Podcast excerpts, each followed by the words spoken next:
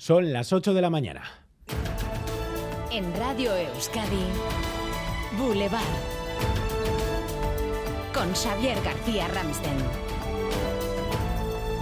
Con respeto y con mucho cariño se recuerda hoy a Rodolfo Ares en la casa del pueblo de su barrio de Churdínaga. Le conozco desde que estaba allá arriba en Arbolancha en, la, en una carrocería que tenían. Siempre ha sido una persona que si te podía echar un cable te lo echaba. Se preocupaba por, por la gente. Era buena persona y yo contento con él, los años que, que estaba a su lado. Eh, parecía serio, pero luego, al final, el momento que le conocías, decías que va, en absoluto.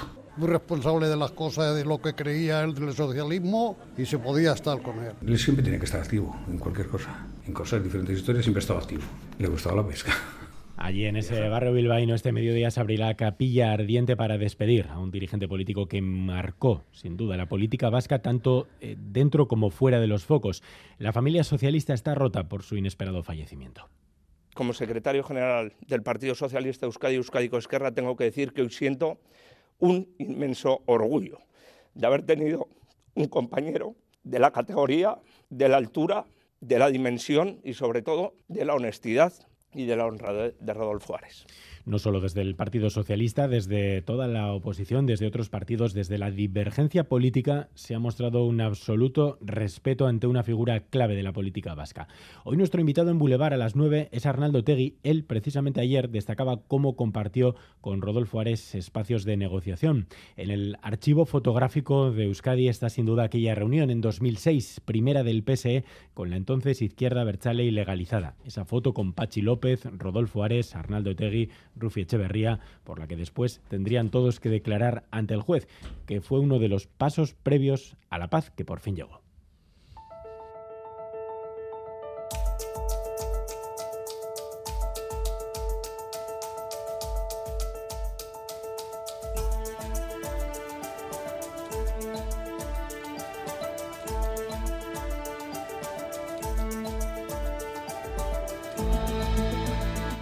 Viernes 27 de enero y hoy puede llegar una noticia muy esperada. Reunión clave hoy de la OMS para decidir si decreta el final de la pandemia. Asier Herrero. El 30 de enero de 2020 se registró el primer brote de, brote de COVID-19 en Wuhan. Hoy, casi tres años después, la OMS puede poner fin a la pandemia y lo hace mirando a China. Preocupa y mucho el aumento de casos en las últimas jornadas y el aumento de muertes a nivel mundial. Aquí ya se están dando pasos en ese nuevo escenario, ya hay fecha, la mascarilla dejará de ser obligatoria en el transporte público el 8 de febrero. En cualquier caso, los expertos consultados por Radio Euskadi creen que hubiera sido mejor esperar un poco más. Yo creo que deberíamos quizá haber esperado un poquito más hasta final del invierno. ¿Por qué ahora y no dentro de un mes, que es cuando ya los virus respiratorios ya estacionales van a menos?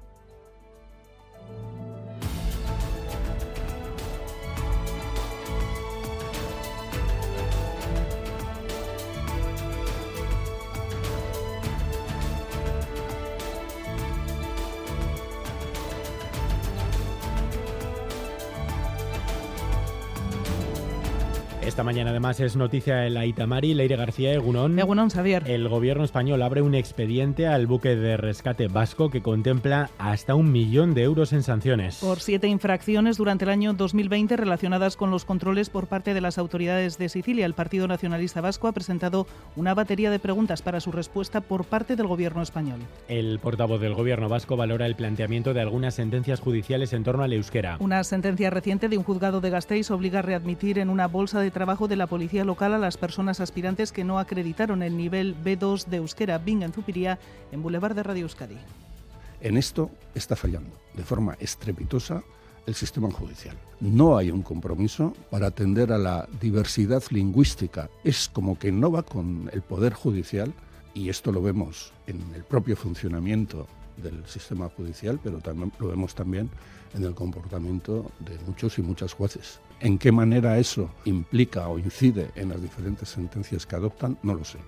En Bilbao se va a intensificar el control para evitar la utilización de armas blancas. En el Pleno del Ayuntamiento, acuerdos sin votos en contra tras la iniciativa del PP. Los delitos violentos en los que se han utilizado navajas se han duplicado en los dos últimos años. El alcalde apuesta por juicios rápidos que permitan sancionar su utilización. El alpinista Alex Chicón va a visitar hoy este bulevar, ya está en casa. Ayer además fue homenajeado por la Diputación Foral de Vizcaya. Tras su ascensión a Bernal Manaslu, hoy entrevista en Boulevard a partir de las diez y media de la mañana. Cuando llego a campo base, le digo a Neko, eh, no vuelvo a intentar una montaña de 8.000 metros, no ya, claro, porque te has visto tan cerca de, morir y no sé, parece que, que, estoy aquí como magnificándolo o exagerando, pero es que es así tal cual, yo me vi muy, muy, muy cerca de no sobrevivir. Nueva edición de King Clima hoy en EITV para reflexionar sobre la emergencia climática. Mañana se conmemora el Día Mundial de la Acción frente al Calentamiento Terrestre. Hoy a las nueve y media en Boulevard de Radio de Euskadi entrevista a María José Sanz, la directora del BC3, el Centro Vasco de Estudios para el Cambio Climático. Además, una última hora, varios autobuses de Vizcaibús de las líneas de la margen izquierda y minera han sido saboteados en las cocheras de Aparcavisa en Trapagarán.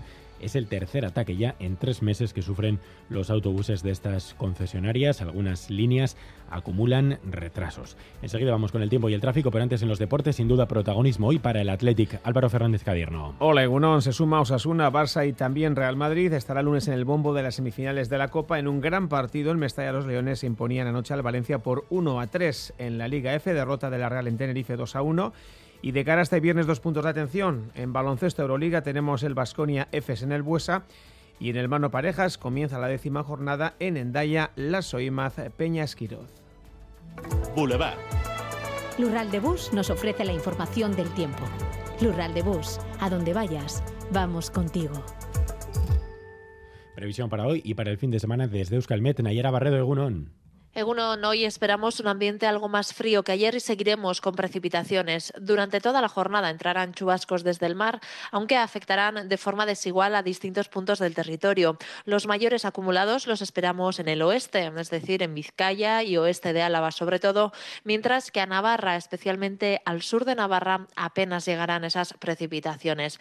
Las temperaturas máximas descenderán un poco y la cota de nieve se situará entre los 600 y los 700 metros, pero irá descendiendo a lo largo del día, por lo que a partir de la tarde podría blanquear también en el entorno de los 400 metros.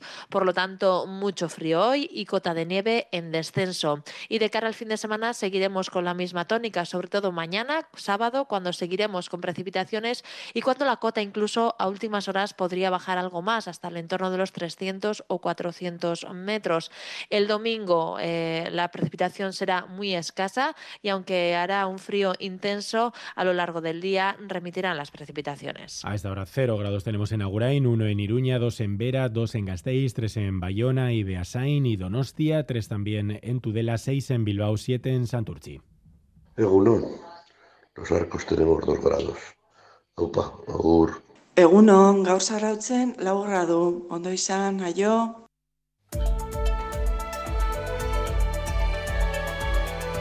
Boulevard. Tráfico. Sin problemas en carretera, según nos informa el Departamento de Seguridad del Gobierno Vasco. Turno de tarde en el hospital. Ocho horas me esperan. Voy a visitar a Laitona, a pasear juntos un ratito. Con las amigas al teatro. ¡Qué ganas tenía ya! Porque la vida vuelve y el transporte público es vida. En Lural de Bus, donde vayas, vamos contigo. Ayúdanos a mejorar nuestra información con tus comentarios, fotos y vídeos. Envíalos al WhatsApp de Radio Euskadi 688 840 840.